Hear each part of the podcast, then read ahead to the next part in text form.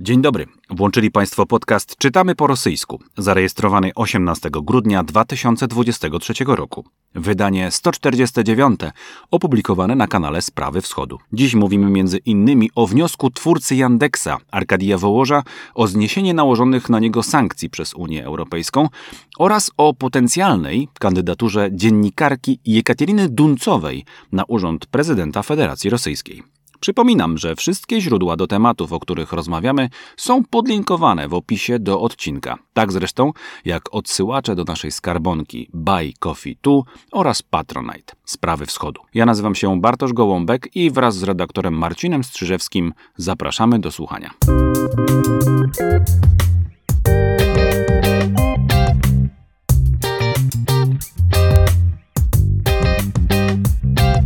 Dzień dobry i dobry wieczór wszystkim naszym słuchaczom. Cześć Marcinie. Dzień dobry i dzień dobry Państwu. Bardzo nam miło, że Państwo są z nami w okresie przedświątecznym. E, dzieją się cały czas jakieś historyczne wydarzenia. Zeszły tydzień też e, w nie obfitował, mm, ale, ale e, pomyślałem sobie, że zerknę mm, do ustroju technologiczno-prawno takiego, bym powiedział, jeszcze związanego z sankcjami, bo zawsze mnie interesowały kwestie runetu i jeden z bohaterów e, trochę takiego mojego świata, którym się zajmowałem, e, jest właśnie założyciel znanego państwu i znanego na pewno tobie, Marcinie, doskonale mm, serwisu Yandex. Oczywiście po wielu zmianach wygląda to już dzisiaj zupełnie inaczej, ale właśnie tenże człowiek, czyli Arkadii Wołosz, donoszą media rosyjskie, Założyciel właśnie Yandexa, jeden z głównych założycieli, właścicieli nawet, poskarżył się e, na jego zdaniem oczywiście niesprawiedliwe nałożenie na niego sankcji e, przez struktury europejskie. E, otóż właśnie w ubiegłym tygodniu, 13 grudnia, w Sądzie Europejskim odbyła się rozprawa, na której biznesmen, oczywiście za pośrednictwem swoich pełnomocników, próbował dochodzić y, sprawiedliwości. To jest y, jego opinia, jeszcze raz y, to podkreślmy. Więc otoczenie Wołoża twierdzi, bo o cóż tutaj chodzi? No został rzeczywiście wprowadzony na mm, listy sankcyjne. Mm, to był dokładnie, drodzy Państwo, szósty pakiet sankcji, kiedy Wołoż tam się dostał. Latem 2022 roku, dokładnie 3 czerwca 2022.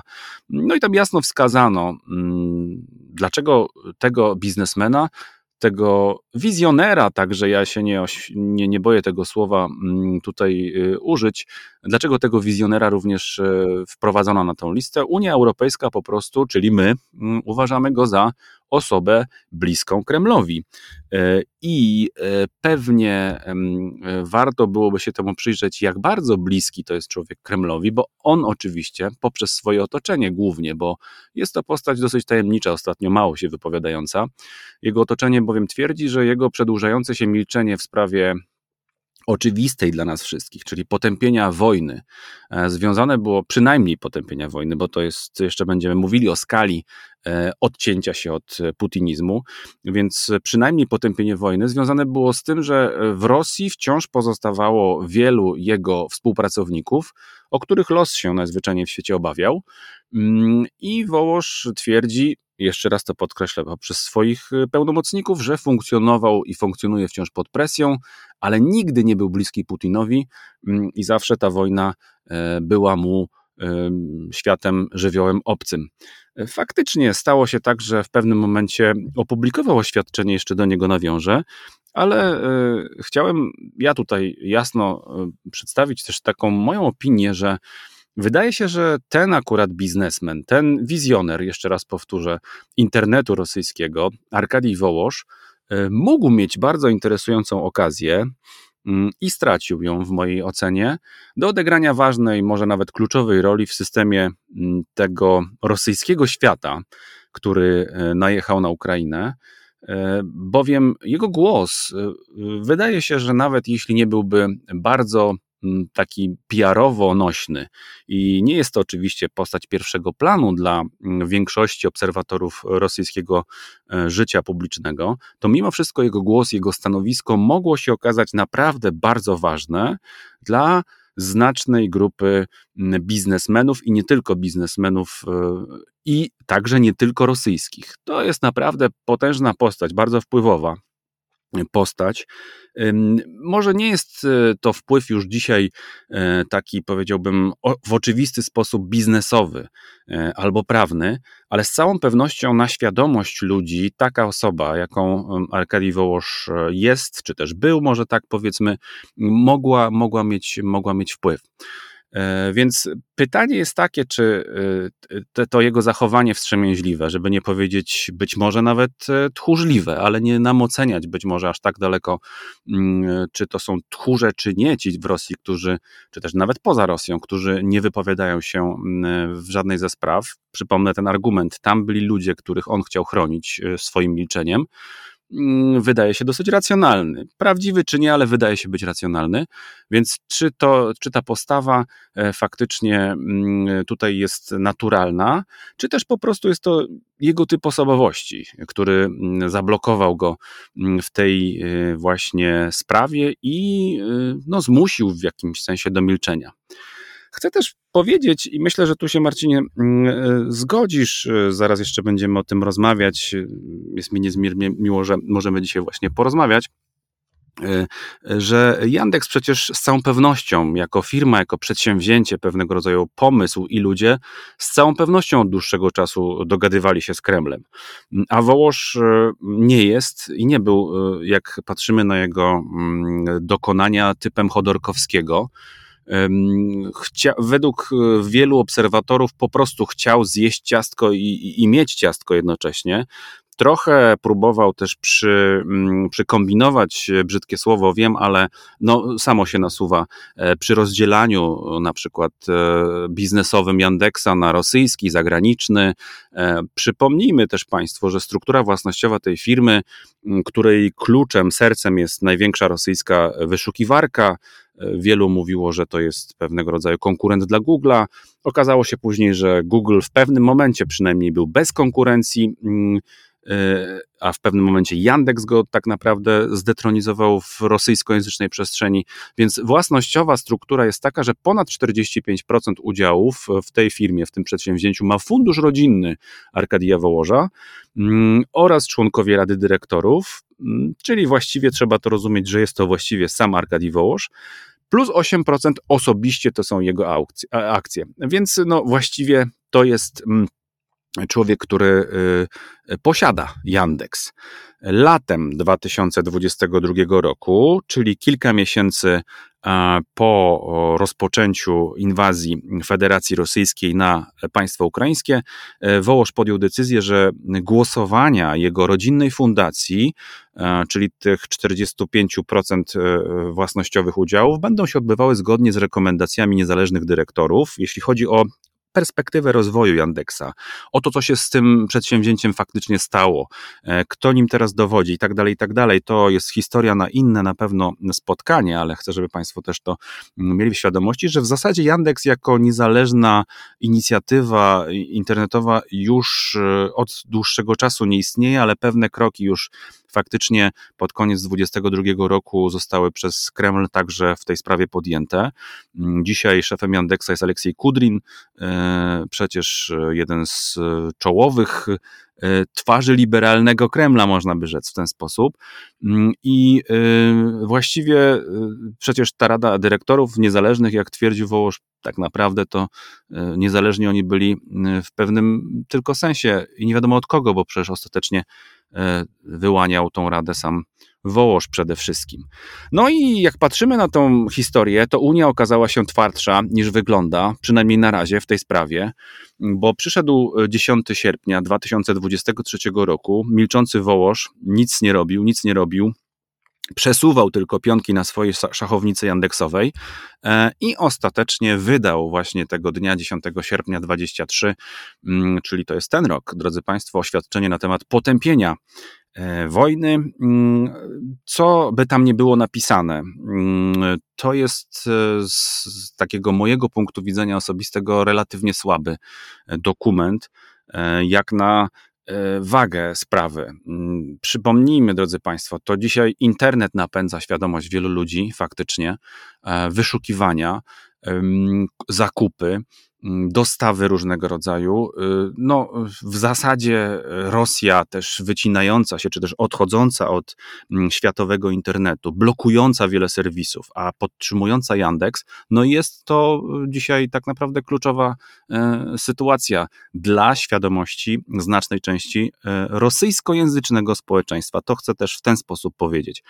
Mm, nie unikałbym tutaj takiej tezy, z której wynikałoby, że wciąż z Yandexa korzysta spora grupa Ukraińców, a może nawet więcej niż spora grupa Ukraińców, z Yandexa we wszystkich jego oczywiście postaciach, o ile rzecz jasna tylko się do tego serwisu jest w stanie dostać, a jest się w stanie przecież dostać i myślę, że znaczna także część rosyjskojęzycznego świata, rozproszona e, właśnie na e, wschód od Bugu, też do Yandexa wciąż regularnie zagląda.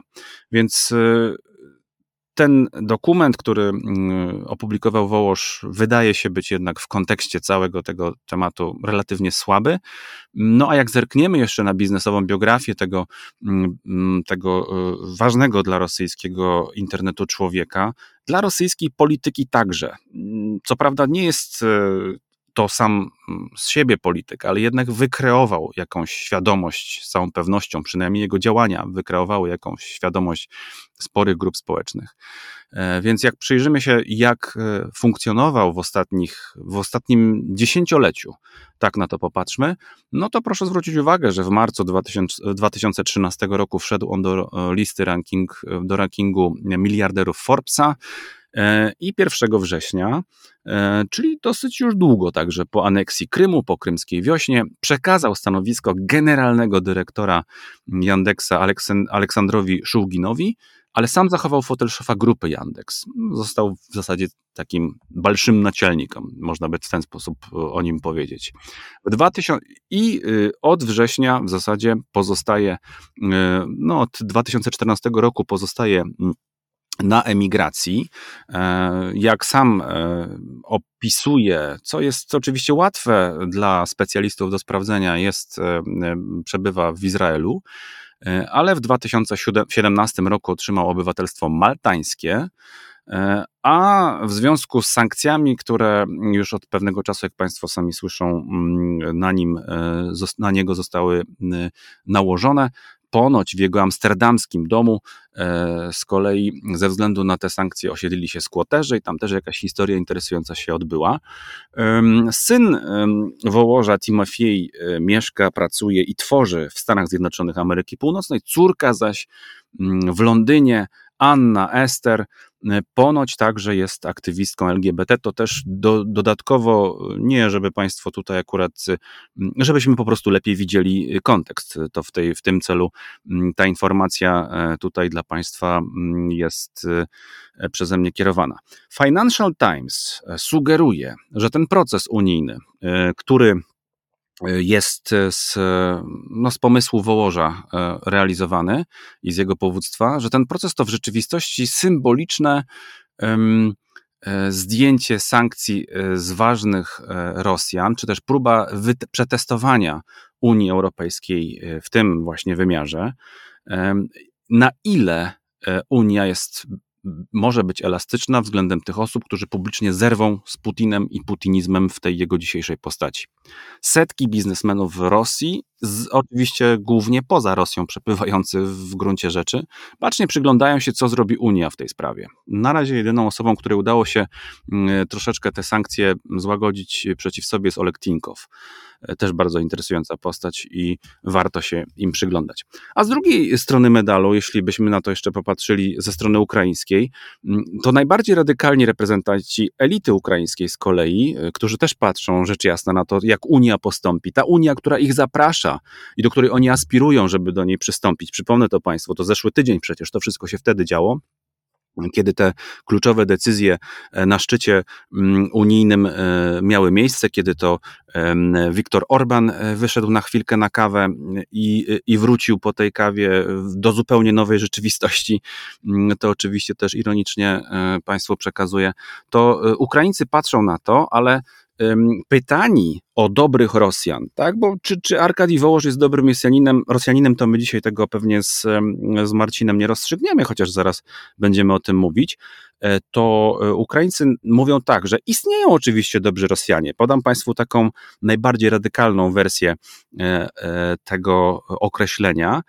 Ale to nie są ci, którzy pod wpisem na portalu X, czy też poprzez wpis na portalu X, dawny Twitter, chcą załatwić sobie spokój i pokój swoich pieniędzy, mm, albo nie ci, którzy organizacją kolejnych streamów na YouTubie opowiadają, jak straszny jest Kreml, E, który dalej wysyła rakiety na e, Ukraińców, ale dobrzy Rosjanie to są ci, którzy biorą do ręki broń i ramię w ramię z Ukraińcami strzelają do rosyjskich najeźdźców. To są dobrzy Rosjanie. To jest opinia, drodzy Państwo, szefa, odpowiednika e, polskiego IPN-u, szefa Ukraińskiej Izby Pamięci, w zasadzie Instytucji Pamięci Antona Drobowycza.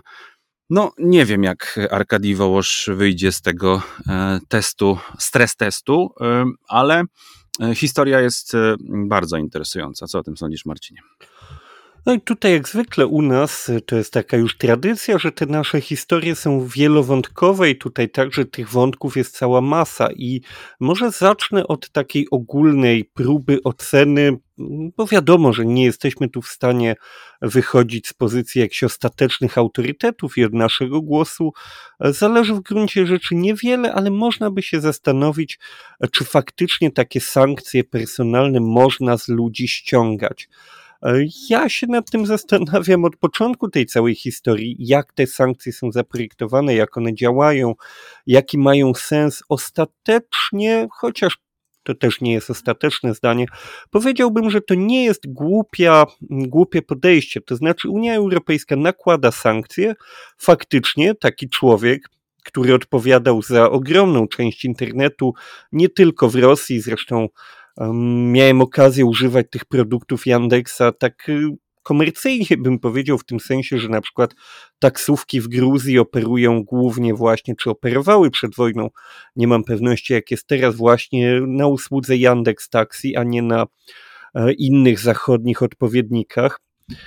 Więc no faktycznie jest to człowiek, który ma wpływ i założyć, że on miał kontakty z Kremlem jest zupełnie logicznie i wydaje mi się, że w tej konkretnej sytuacji jak najbardziej, to i tak jest bardzo lekka, e, lekki środek w takim przypadku, ale można położyć ten ciężar udowodnienia, że nie jesteś e, putinowskim oligarchą, przyjacielem i sponsorem tej, tej władzy i sponsorem tej wojny przy okazji, że ten obowiązek można by zostawić na tych ludziach. Więc sam ten proces, w którym mm, Wołosz został obłożony sankcjami, a później do niego należy ciężar udowodnienia, że on jest w porządku, mnie się wydaje prawidłowy. To znaczy, wydaje się, że tak to właśnie powinno wyglądać, że to sam taki Rosjanin, zwłaszcza na takiej pozycji, powinien w jakiś sposób pokazać, że no, występuje po właściwej stronie historii. Udowodnić Przy... słowem, prawda? Znaczy a priori zostać nałożone sankcjami, tak, myśl, tak, tak byś myślał i, i udowodni tak. później, tak? Mhm. I w zasadzie to samo można by to samo można by odnieść właśnie do tej kwestii tych dobrych Rosjan. Ukraińcy lubią na ten temat rozmawiać i lubią to wręcz tak dezawuować, troszkę nawet wyśmiewać, że no nie ma dobrych Rosjan. Jeszcze powiem ci, że ty i tak uznałeś tutaj tą e, taką lekką mm, wersję tej E, tej definicji, no bo są i tacy, którzy uważają, że dobry Rosjanin to jest ten, który już leży gdzieś e, wbity w ziemię gąsienicą czołgu pod Awdijewką i na tym się dobrzy Rosjanie kończą. Ja tutaj, prawdę mówiąc, e, muszę Państwu powiedzieć, jestem ogromnym przeciwnikiem odpowiedzialności zbiorowej. Znam dobrych Rosjan, takich naprawdę, którzy myślę, że udowodnili, e, którzy wzięli właśnie, mm, nazwijmy to nie broń do ręki, ale cztery litery, jak to się mówi czasem brzydko, w troki, wyjechali tam, gdzie e, Putina nie ma i w tej chwili na przykład biorą udział w tym wysiłku wojennym, mieszkając w samej Ukrainie. Są tacy Rosjanie i nie należy wszystkich wsadzać w mojej opinii do jednego worka, natomiast z drugiej strony to faktycznie w tej konkretnej sytuacji wydaje mi się, że to um, no, Rosjanie sami powinni osobiście, po prostu konkretni ludzie, um, pokazywać światu i nam przy spotkaniach, przy jakichś kontaktach biznesowych, że oni są tymi dobrymi. I tu pojawia się pytanie, co trzeba zrobić? Żeby faktycznie coś takiego udowodnić. I prawdę mówiąc, w mojej opinii, samo wydanie na przykład oświadczenia, tu mówiłeś, że akurat to oświadczenie było słabe, jak dla mnie to jest po prostu zbyt mało.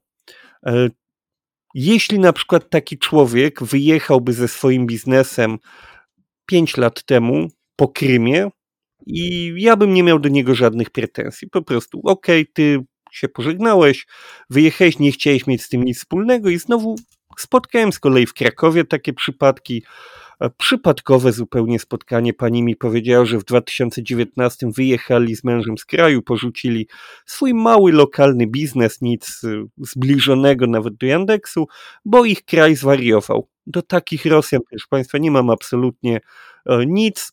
Tu jest sytuacja jasna. No ale jeśli ktoś prowadzi na przykład taki biznes teraz, a za pół roku będzie chciał mówić, że no on jest ten dobry, no to przecież tu już mamy do czynienia z człowiekiem, którego podatki finansowały zabijanie ludzi. Tu już trzeba czegoś więcej. Tu już trzeba by jakiegoś, mówiąc językiem urzędu skarbowego, czynnego żalu.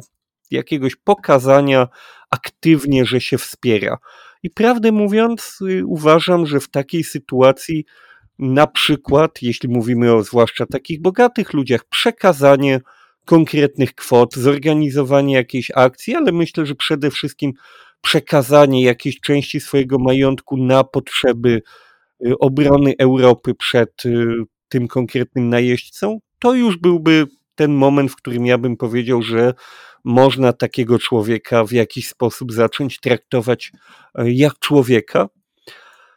Ale mm, no tutaj trzeba być bardzo ostrożnym i trzeba faktycznie, to nie jest głupie, co robią w Unii Europejskiej, że domagają się publicznej wypowiedzi. Według mnie to trochę mało, ale krok w dobrą stronę. Dlaczego? Dlatego, że to jest w pewnym sensie palenie mostu. To znaczy, w ten sposób ten człowiek staje się dla um, rosyjskiego reżimu trudny do późniejszego zaakceptowania. Przy czym wydaje mi się, że jeśli ten człowiek ma duże pieniądze, to słowa mu wybaczą. Więc wydaje mi się, że dlatego to jest jednak trochę zbyt mało, choć oczywiście rozumiem, że jest to przypadek trudny. Mm, zwłaszcza w przypadku ludzi, którzy tak jak tutaj mm, byli powiązani z pewną dużą organizacją.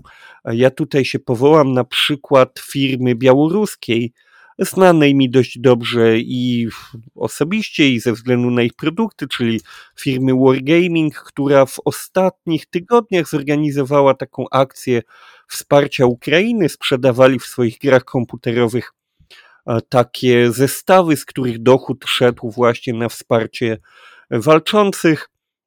Tylko, że zrobili to dość późno, dopiero niedawno, choć wojna trwa od jakiegoś czasu, bo najpierw musieli zabezpieczyć pracowników, rodziny pracowników przed ewentualną zemstą e, pewnego obrażalskiego wąsacza. Więc w tym przypadku to jest też argument, który jak najbardziej rozumiem, ale jeśli ktoś się już decyduje przyjść do sądu i mówić zdejmijcie ze mnie sankcje, to wydaje mi się, że powinien być gotowy na dużo dalej posunięte ruchy.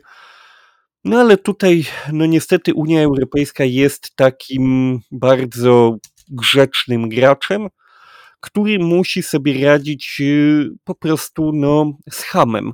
To jest taka sytuacja, kiedy chcemy uprzejmie wyprosić z przyjęcia człowieka, który tłucze talerze i krzyczy na gospodynię. No, w niektórych momentach trzeba już tę grzeczność, wydaje mi się, porzucić. Hmm.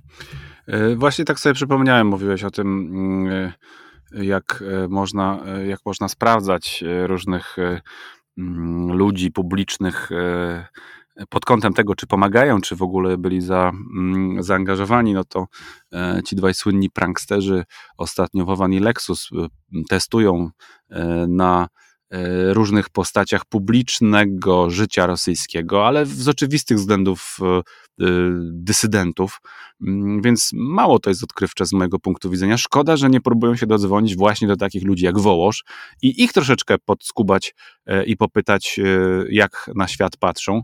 Mm, już trochę takich wycieków, pamiętasz, było jakieś takie rozmowy przechwycone przez wywiad, czy to ukraiński, czy inny e, ten technologiczny, który, e, który dał nam materiał, dał nam, dał, dał światu do YouTube'a materiał, w którym słuchaliśmy różnych e, właśnie ludzi rozmawiających, że oto E, szef zwariował, tak, że nie wiadomo, co sobie myśli, jak to będzie, ale no, ta wojna no, już, już e, się zaciągnęła dosyć silnie, za, za, za, zasiedziała się, można by rzec, trochę w niektórych umysłach i e, może powodować pewnego rodzaju konfuzję. Zobaczymy, co z tym mm, będzie. I patrząc w, w kolejnym mm, wątku na właściwie tego bohatera, o którym była przed chwilą mowa, mm, to warto go też zaklasyfikować do pewnej grupy ludzi, e, relokantów, bo o tym jest tekst bardzo ciekawy, który mm, przynosi nam Meduza e, w ubiegłym tygodniu. Badań, jak Państwo doskonale wiedzą, w rosyjskim świecie takich socjologicznych e, robi się wciąż trochę, tylko wielu z nas, e, którzy przyglądają się temu nawet z daleka, ale starają się to robić bacznie, no, wydaje się, że jednak te badania są obarczone e, sporą dozą błędu albo jakiegoś rodzaju po prostu no, niejasności. To najbardziej delikatne określenie, jeśli chodzi o ich wyniki.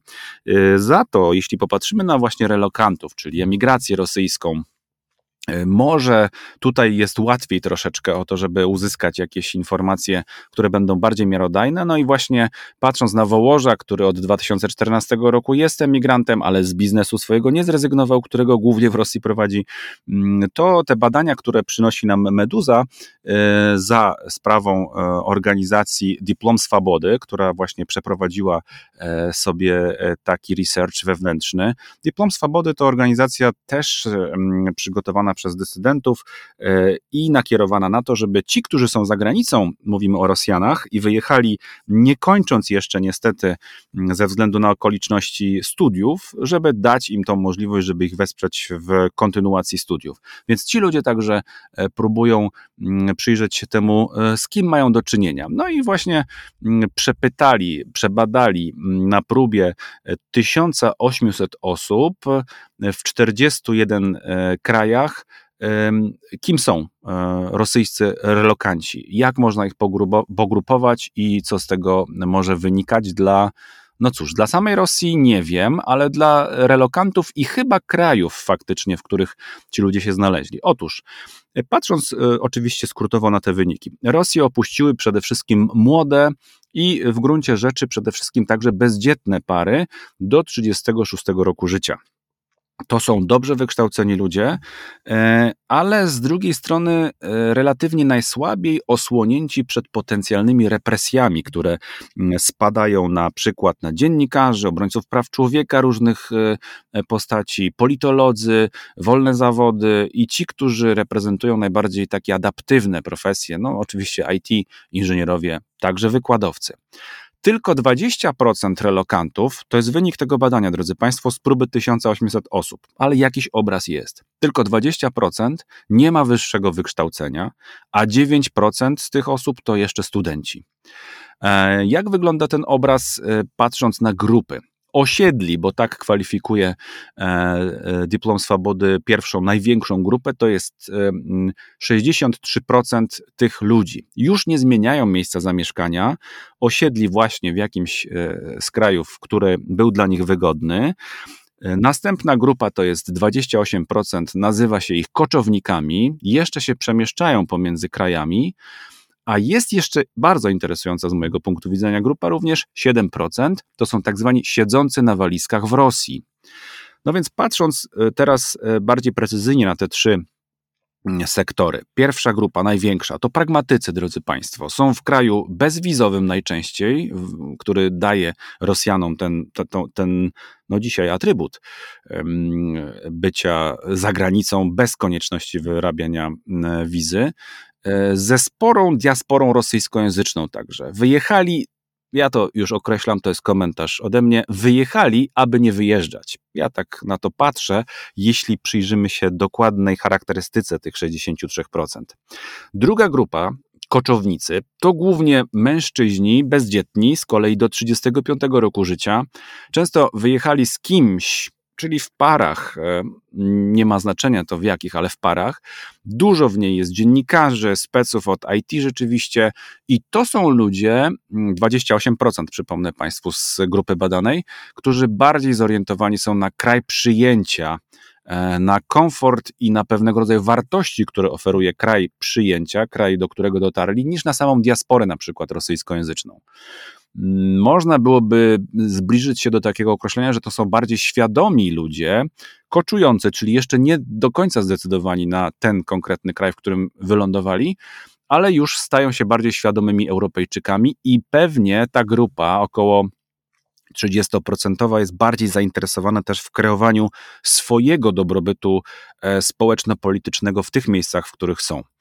E, I, I ta ostatnia grupa, 7%, która, z której wynika e, to badanie, bardzo interesujące, bo ona trochę odsyła nas w gruncie rzeczy do, do Rosji poprzez te kraje e, zewnętrzne. Typowy przedstawiciel tych siedzących na walizce to jest, drodzy Państwo, kobieta w wieku do 55 roku życia, bardzo często rozwiedziona, często mieszkająca z dziećmi albo ze swoimi rodzicami, pracująca w sferze kultury albo mediów i monitorująca uważnie tą grupę krajów, w której dobrze czują się właśnie koczownicy. E, czyli nie mająca jeszcze mm, albo możliwości, albo e, pretekstu być może ostatecznego do tego, żeby jednak Rosję e, opuścić. No i teraz tak, koczownicy i siedzący na walizkach wybierają najczęściej, bo to są jednak ludzie, którzy ostatecznie niedawno dotarli do krajów docelowych, więc oni e, e, najczęściej wybierają kraje, nazwijmy je tak, wysoko rozwinięte Unii Europejskiej. Tutaj liderem są Niemcy, ale spoza Unii przyciąga także Serbia na przykład, Hiszpania, wracamy do Unii, czy nawet Stany Zjednoczone, to już inny kontynent rzecz jasna, oraz Francja, to z powrotem do Europy.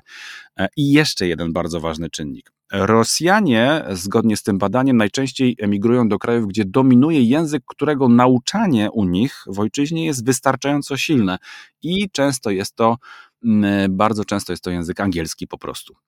E, tam, gdzie ludzie posługują się wystarczająco sprawnie angielskim, tam też Rosjanom jest wygodniej. No i ostatnia, jedna z ostatnich rzeczy, Rosję opuścili ludzie, y, generalnie ludzie jakoś tam zainteresowani polityką. Mówi się o, o, o takiej liczbie dzisiaj, e, także ci, którzy to badanie przygotowali, między 700 tysięcy a milion osób. Mm, jednak, i to ważna konstatacja, trochę zamykająca y, ten tekst także i y, to rozważanie, jednak według tego badania fala emigracji antywojennej już się w Rosji wyczerpała, czyli spodziewać się jakichś dodatkowych ruchów z tamtej strony nie ma sensu, a także wydaje się, jak się przygląda tej emigracji i sposobom organizacji, trochę czasami też roszczeniowej formie e, funkcjonowania, czasami trochę takiej e, również pewnie e, politycznie mm, niedostatecznie zorganizowanej, jak na przynajmniej oczekiwania niektórych społeczeństw, także europejskich, to, to faktycznie tutaj mm, to wyczerpanie jest widoczne i jedni już są zmęczeni i drudzy, ale także możliwości, ten potencjał się wyczerpał. Mm, tutaj może zacznę. Komentowanie tego od tego, że mm, tak jak mówisz, oni się tutaj nie spodziewają kolejnej fali, i tutaj wiele tak naprawdę zależy od tego, jak się będą toczyć wydarzenia, bo tych poprzednich fal też nie do końca się spodziewaliśmy, bo no, wojna była wydarzeniem, które nie do końca nas zaskoczyło, mimo wszystko do końca nie wierzyliśmy, a pierwsza fala migracji to było tuż po inwazji, później po mobilizacji. Tutaj mm, Także to nie było wydarzenie, które było zupełnie przewidywalne. Teraz oczywiście bardzo aktywnie rosyjska władza zapewnia wszystkich, że kolejnej fali mobilizacji nie będzie, e, chociaż oczywiście no, poprzednio też zapowiadali, że takiej mobilizacji nie będzie, a jeśli coś się potoczy źle na linii frontu, to oni jak zwykle po prostu złamią te obietnice i kolejni ludzie jak najbardziej mogą wyjechać. Tu, prawdę mówiąc, nie ma jakichś wielkich zaskoczeń, jeśli chodzi o strukturę tej migracji. Tu to się wydaje dość, byśmy powiedzieli, logiczne, zwłaszcza, że wyjeżdżają ludzie, którzy się polityką interesują i ludzie młodsi, bo ludzie starsi w Rosji, którzy się polityką interesują, e, jeśli wierzyć wszelkim badaniom socjologicznym z ostatnich 10, 15, 20 lat, no to im starszy człowiek, tym większa szansa, że będzie popierał i Władimira Putina jako osobę, i jego kurs polityczny, w tym ten kurs wojenny, mający na celu jakiegoś rodzaju no, zaspokojenie resentymentów historycznych, a młodsi ludzie coraz wyraźniej pokazują, że na to ochoty nie mają. Ja bym tu jeszcze zwrócił uwagę na to, że wiele jest ostatnio rozmów, sam takie rozmowy ak aktywnie prowokuje, o tym, czym jest Rosja. Czy ona jest bardziej fragmentem Europy, czy jest bardziej fragmentem azjatyckich przestrzeni kulturowych, cywilizacyjnych. I tutaj po raz kolejny widzimy argument za tym, że jednak Rosjanom do tej Europy jest bliżej. Co prawda dużo z nich wyjeżdżało na przykład do Kazachstanu, czy Uzbekistanu trochę mniej, ale to są też kierunki, które nie są do końca mm, obce dla nich, w tym sensie, że po prostu wyjeżdżają do dawnych kolonii swojego rosyjskiego imperium, czy to jeszcze carskiego, czy już później radzieckiego, do terenów, gdzie język rosyjski jest znany, gdzie istnieją różne połączenia historyczne i kulturowe, czyli do tak jak oni to lubią określać, bliskiej zagranicy. A jeśli trzeba jechać y, gdzieś dalej, no to jak nam przed chwilą powiedziałeś, wybierają kraje europejskie, bo co już nieraz mówiłem i powtórzę, mm, w Chinach, w Japonii, w Korei, w Wietnamie czy w Tajlandii Rosjanin jest tak samo obcy i zagubiony jak my w tych krajach, tak samo kulturowo, językowo, gastronomicznie niedopasowany do tamtych warunków, jak i my byśmy byli. E, szczególnie muszę Państwu powiedzieć, e, że Chiny są tutaj wyjątkowo ciekawym doświadczeniem. Wizyta tam to jest naprawdę ciekawa rzecz jako wizyta e, turystyczna czy biznesowa. Ja akurat kiedyś byłem służbowo, ale no dla zamieszkania tam trzeba by się w zasadzie uczyć chodzić od nowa i Rosjanin miałby podobny z tym problem.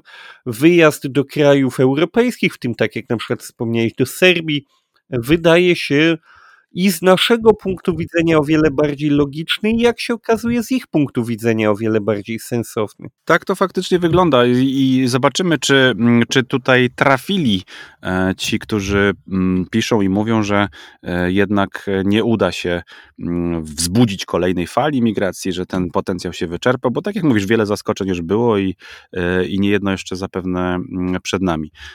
Zanim oddam Ci głos, to jeszcze serdecznie bardzo podziękuję wszystkim Państwu, którzy zerkają do nas regularnie, ale także tym i szczególnie tym, którzy mm, teraz e, mm, postanowili jeszcze nas wesprzeć, na przykład poprzez naszą skarbonkę Buy Coffee Tu.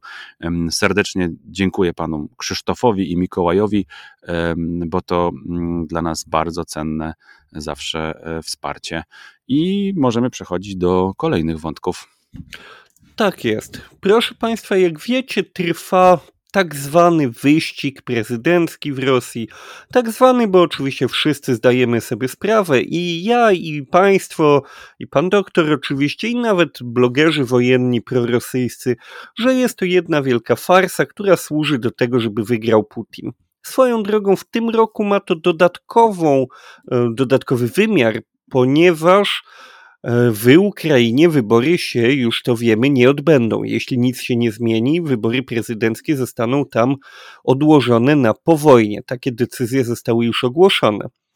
Świat postrzega tę wojnę, duża część świata, jako wojnę demokratycznej, choć kulawa jest to demokracja, ale jednak demokracja Ukrainy. Mm, przypomnę, że w Ukrainie przez ostatnich 20 lat rządy zmieniały się kilka razy w terminach zazwyczaj, choć bywały i inne przypadki, kiedy były to zmiany bardziej burzliwe. Niemniej mieliśmy do czynienia już z wieloma różnymi ekipami. No, a dyktaturą, ta wojna właśnie toczy się między ukraińską demokracją, tak jak mówię, trochę kulawą, i rosyjską dyktaturą, w której nic się nie zmienia od ponad 20 lat.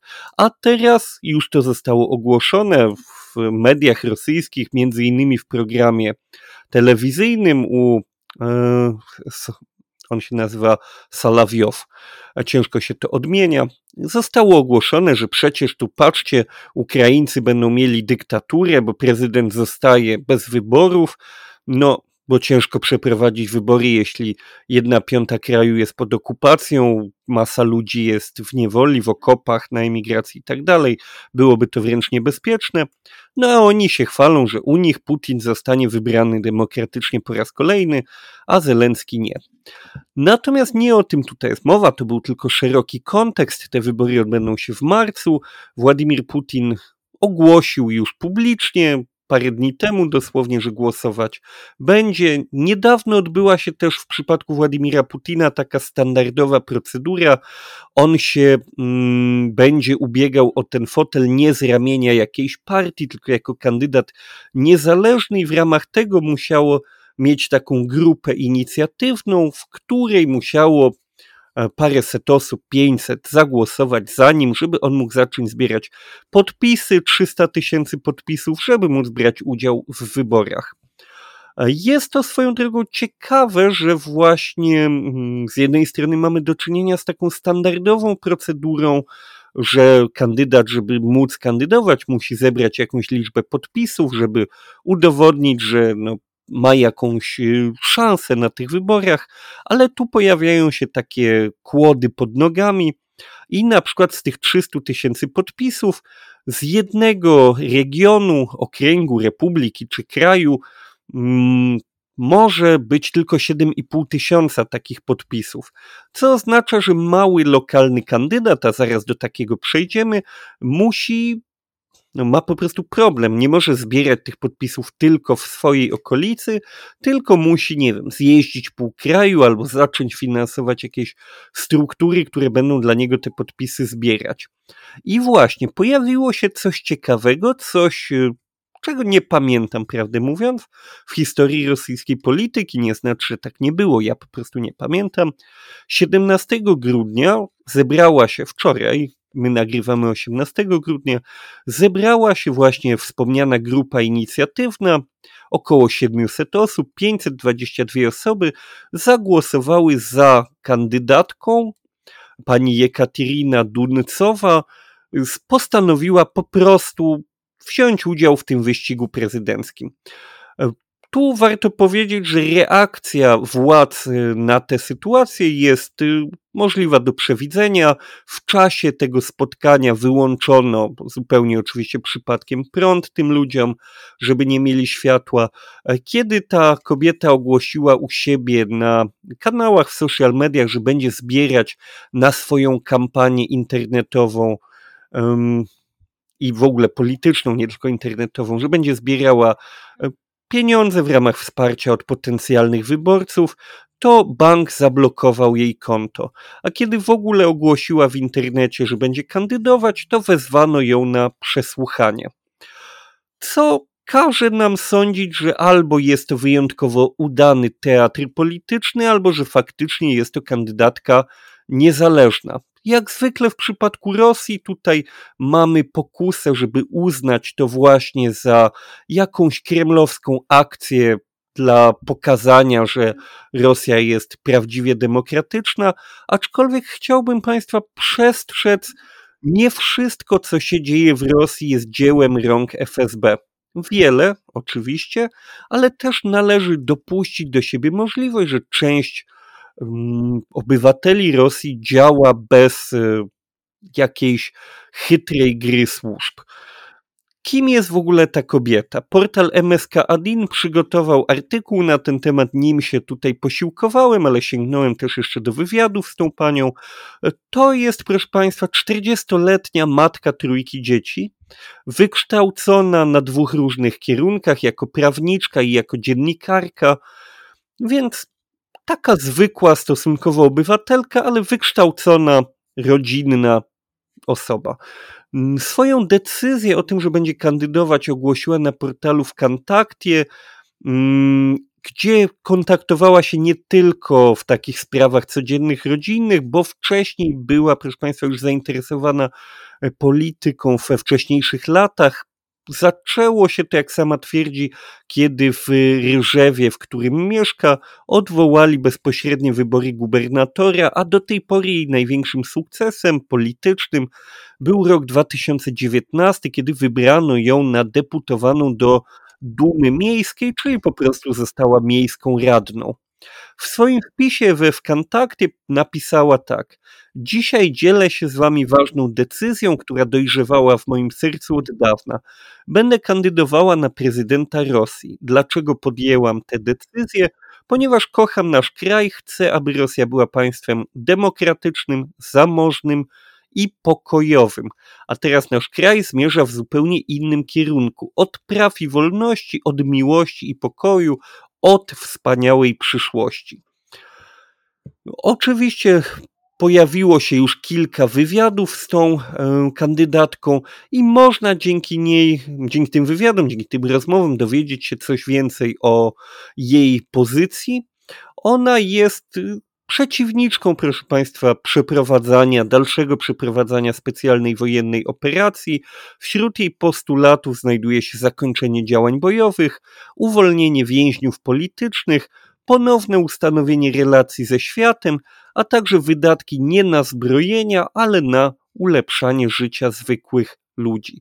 Planuje ona także, co ciekawe, choć nie należy bezpośrednio do tego ruchu, planuje ona dialog z matkami i żonami mobilizowanych, które, o czym już nieraz rozmawialiśmy, i tutaj w podcaście, i u mnie na kanale, i no to jest znany temat. Matki i żony mobilizowanych prowadzą wciąż niestrudzenie różnego rodzaju akcje protestacyjne, co samo w sobie jest normalne, a nienormalne jest to, że one jeszcze wszystkie nie siedzą to faktycznie są mm, rodziny ludzi, którzy z bronią w ręku siedzą w okopie, więc nie do końca rosyjska władza wie, co z nimi zrobić w takim przypadku, no bo przecież nie ogłoszą, że są to wrogowie ludu, no bo jak to mogłoby być, że władza uzbroiła i nazwała bohaterami e, mężów i synów wrogów ludu. No tutaj coś się przegrzewa w zwojach i póki co się nie zdecydowali tego tak określić. Więc pojawia się ciekawa opcja polityczna. Oczywiście już się pojawiają e, tutaj artykuły, które próbują tę kobietę nazwać populistką, osobą głupią, osobą związaną z liberałami, co w Rosji jest traktowane jako obelga, z demokracją, z Zachodem, felietonistami, cyklistami i miłośnikami roślin pokojowych. Oczywiście tutaj pozwoliłem sobie na pewne żarty, ale generalnie zarzucają jej wszystko co najgorsze i jeszcze próbują wyśmiać jej e, postulaty, jej program jako no właśnie, populistyczny i mało konkretny. Przy czym wydaje mi się, że jeśli najwięcej Rosjan, według badań socjologicznych, chciało zapytać Władimira Putina w ramach jego ostatniej konferencji, kiedy w końcu wojna się skończy, to było w badaniach Lewady, jeśli dobrze pamiętam, pytaniem numer jeden, czy grupą pytań numer jeden, to postulat y, zakończenia wojny natychmiast jest, wydaje się, dość konkretną propozycją.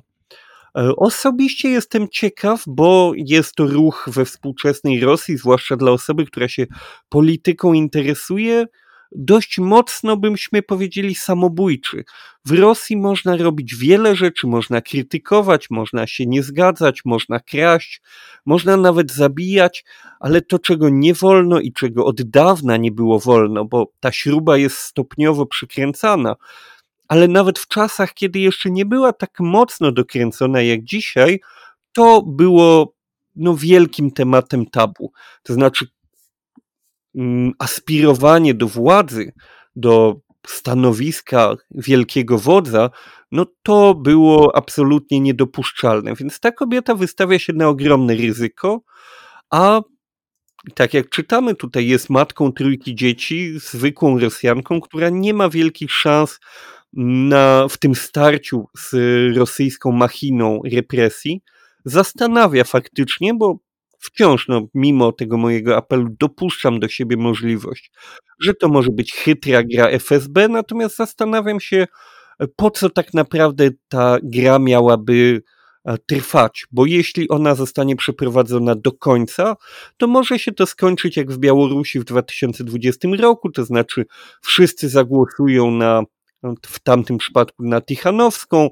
Łukaszenka powiedział, że tam ma 137%, a ludzie zrozumieli, że ktoś ich robi w balona i no nie skończyło się to spokojnie. A może się skończyć tak jak w przypadku pewnej sprzątaczki z pewnej rosyjskiej wsi, która wystartowała na naczelnika tej wioski w wyborach i wygrała, ponieważ ludzie byli gotowi zagłosować na każdego, kto nie był kandydatem z jedynej Rosji, który już tam był im dobrze znany. Więc osobiście nie jestem pewien, po co Kreml miałby prowadzić akurat taką grę, ale jednocześnie nie bardzo rozumiem, na co ta kobieta tak dokładnie liczy. Chyba, że tak jak w przypadku jednej z żon mobilizowanych, jest to jedna z tych osób w Rosji, które już zmęczyły się bać. I mam na to, prawdę mówiąc, wielką nadzieję, ale póki co nie będę próbował przekonywać Was, że to jest na pewno jeden z tych przypadków, kiedy pojawia się jakiś ludowy lider, który po prostu już ma dość strachu i który pociągnie za sobą ludzi. Tego jeszcze nie wiemy, ale sytuacja na pewno jest interesująca i warta obserwowania. Zwłaszcza ciekawe jest e, chyba to, Marcinie, o czym powiedziałeś, żeby zastanowić się nad tym, po co jest ta gra. E, ja jestem na dzisiaj, przynajmniej 18 grudnia 2023 roku, zwolennikiem takiej oto tezy, że rzeczywiście jest to e, gra, niekoniecznie wyłącznie FSB, ale no, tego systemu, który obserwujemy. Szukałem dla siebie oczywiście, tak jak i ty, z nadzieją jakiegoś rodzaju rozstrzygnięć, które mogłyby mnie zbliżyć do odwrotne, odwrotnego zdania. E, czyli zastanowienia się nad tym, jakże ta odważna kobieta próbuje rzeczywiście sięgnąć po mm, władzę w tym kraju, w tym państwie, mm, taką można by rzec ostateczną mm, władzę.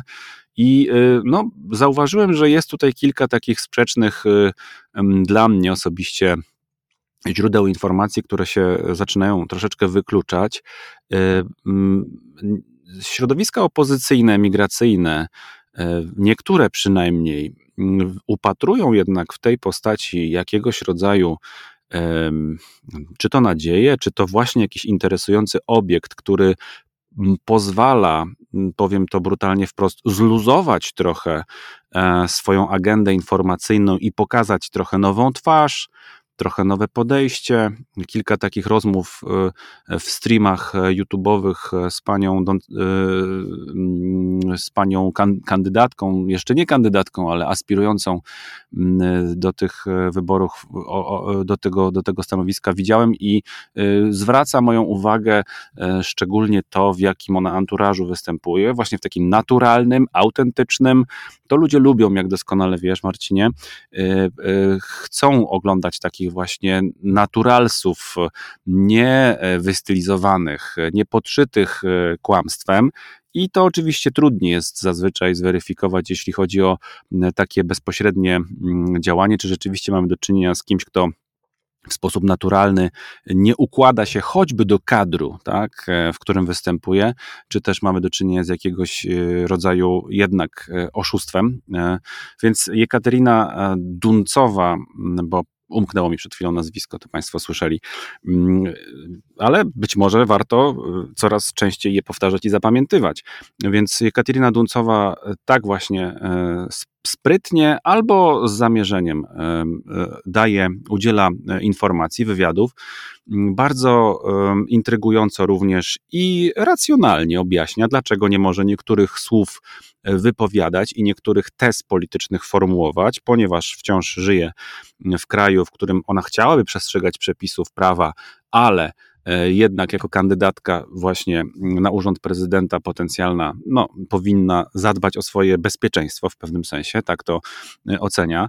Dowiedzieliśmy się też zresztą wcześniej, że prokuratura miała ją wzywać na rozmowę, jakie są jej poglądy w sprawie SWO, jak to ona również określa. Mm, jest tutaj bardzo dużo tego typu e, takich, powiedziałbym, tropów, które mogłyby prowadzić do takiego, mm, takiej refleksji. No, rzeczywiście mamy do czynienia z autentycznym kandydatem. Jest jeszcze jeden tester, e, Marcin, tak sobie pomyślałem. Nie wiem właśnie, gdzie ty jeszcze widziałeś informacje o niej, czy to są wyłącznie telegramowe kanały, czy też media, nazwijmy je głównego nurtu propagandowego. I jak otworzymy sobie, bo doskonale e, wszyscy z Państwa to na pewno także wiedzą, e, i ty także, to jest jasna rzecz. Wiecie, że mm, e, teraz właśnie zaczyna się ten, ten naprężony czas no, konstruowania zwycięstwa, najpewniej zwycięstwa Władimira Putina. Zatem w wielu mediach propagandowych mamy specjalne działy, które nazywają się wybory. Już nie tylko mamy dział pod tytułem wojna, mówię bardzo ogólnikowo, on się różnie w różnych mediach nazywa, ale generalnie mamy dział wybory. No i szukamy, szukajmy, czy tam gdzieś w tych działach mamy informacje o mm, tej kandydatce, o tej uroczystości, o której powiedziałeś i w których mediach, jeśli w ogóle ona się pojawia. I tutaj ja dochodzę do takiego wniosku, też niespecjalnie może odkrywcze i nie, niezbyt będzie to błyskotliwe, ale otworzyłem dwa e, źródła, które mogłyby dla mnie być jakiegoś rodzaju mm, potwierdzeniem e, mojej tezy i też e, wydaje mi się, że się nie pomyliłem. Na razie się przynajmniej nie pomyliłem w, tym, w tej optyce, bo oto w konsomolskiej prawdzie, w tych informacjach, które niosą treści wyborcze, e, nie ma informacji o pani E, kandydatce, e, która e, jest aspirująca.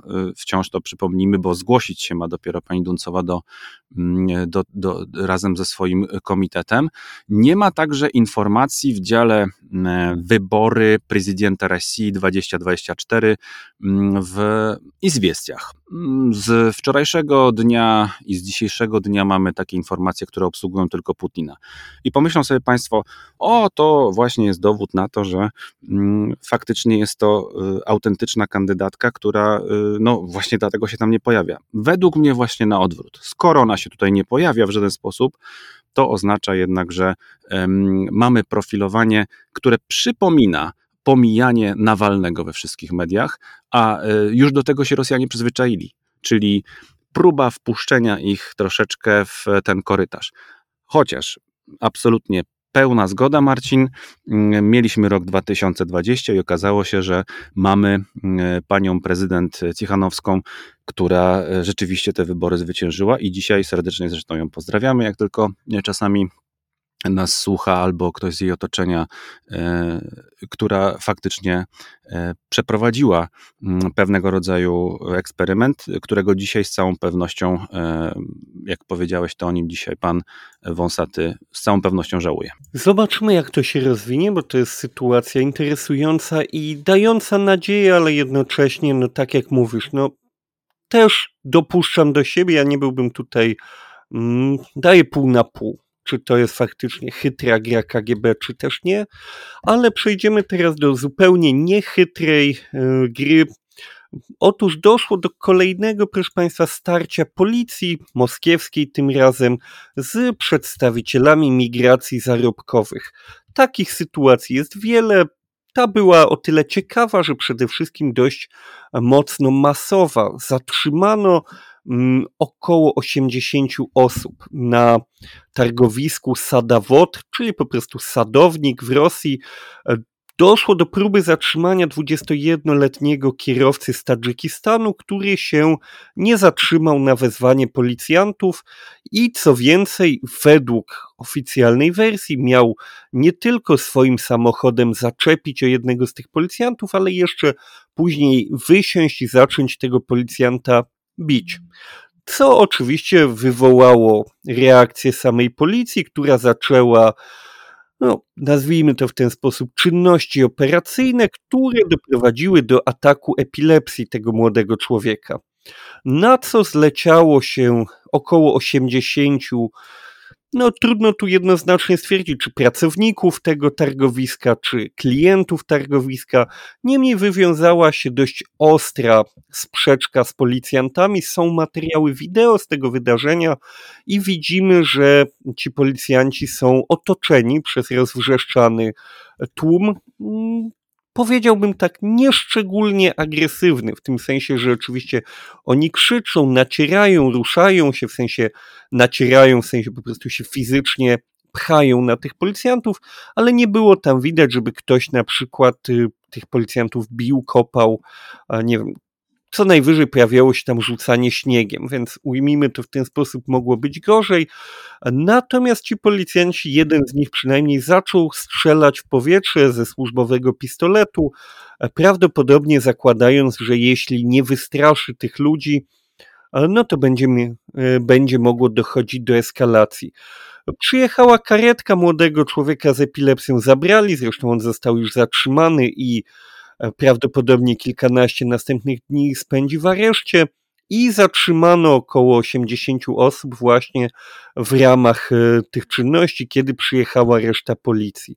To jest o tyle ciekawe, że ostatnio mamy wrażenie, no ostatnio, nie w ostatnim tygodniu, w ostatnich miesiącach, że ta, e, ten, temperatura sporu pomiędzy mieszkańcami Rosji słowiańskiego i niesłowiańskiego pochodzenia, mówiąc bardzo eufemistycznie, robi się coraz cieplejsza.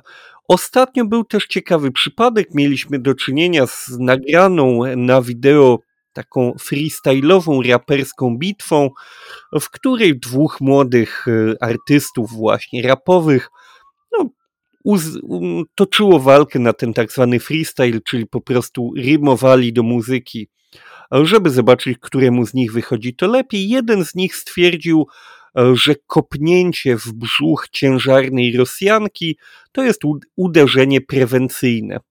On później został zatrzymany, na wideo przepraszał za to, co powiedział, natomiast faktycznie zaczyna się wydawać, że mm, ta sytuacja robi się skomplikowana w Rosji. Zresztą nie pierwszy raz i nie pierwsze dziesięciolecie ta sytuacja jest skomplikowana. W dużym przypadku mamy do czynienia z relacjami narodów skolonizowanych i narodów kolonizujących. Tylko, że w przeciwieństwie do na przykład chociażby Wielkiej Brytanii, która swoje kolonie miała mm, za morzami, gdzieś daleko, no to tutaj mamy do czynienia z koloniami, które są bardzo blisko. Mm, a co za tym idzie, te kontakty są bardzo także ciężkie do uniknięcia, może w ten sposób to określimy. Zresztą w tej chwili Rosja bardzo intensywnie próbuje przyciągnąć ludzi, żeby oni chcieli dalej przyjeżdżać i pracować u nich, a jak się okazuje, kończy się to dość sporą niechęcią, zresztą obustronną, i to widać y, od dawna, ale ostatnio coraz częściej nie w internecie. Hmm. I to pewnie są pytania, które warto byłoby zadawać również kandydatom na urząd prezydenta Federacji Rosyjskiej w nadchodzących wyborach, aczkolwiek e, no, jasną rzeczą jest, że to pierwsze pytanie mm, pozostanie e, nierozstrzygnięte e, dotyczące końca mm, wojny. Tutaj masz zupełnie rację, no śnieg topnieje, Y, te relacje układają się w bardzo y, różny sposób. Często maskowane są te, skutecznie zresztą maskowane, bo myślę, że do większej części społeczeństwa rosyjskiego y, nie dochodzą, nie, do, nie docierają oficjalne obrazy tego typu sytuacji, w której mamy te tarcia między grupami narodowościowymi, społecznymi z, z, z byłych obszarów podbijanych przez imperium i, y, a, a jednak przecież podskórnie każdy y, z z, z, rosyjskich obywateli z całą pewnością y, jakiś stosunek ma wyrobiony, czy też opinię odnośnie tego, jak wygląda ta relacja między światem zewnętrznym i wewnętrznym jednocześnie, który dla Rosji jest, pozostaje wciąż światem wewnętrznym. To jest bardzo też ciekawe. Czy kiedyś no na razie oczywiście nic na to nie wskazuje, ale czy kiedyś e, taka dyskusja e, prawdziwa, spokojna gdzieś będzie mogła się odbyć, jak faktycznie mm, działać, czy też współdziałać, współpracować w, w, tych, w tych sprawach, bo mm, przecież nawet jeśli jutro, załóżmy, obudzimy się w świecie, w którym Rosja absolutnie wyrzeknie się, polityczna Rosja, ale także mentalna Rosja, wyrzeknie się swojego imperialnego charakteru, swoich podbojów, nie będzie nazywała Gruzinów, Azerów, Tadżyków swoimi, jakby będących we władaniu ich de facto, a nie swoimi w sensie mm, e, relacji duszy i języka, bo często też tak to można e, też fałszywie odczytywać.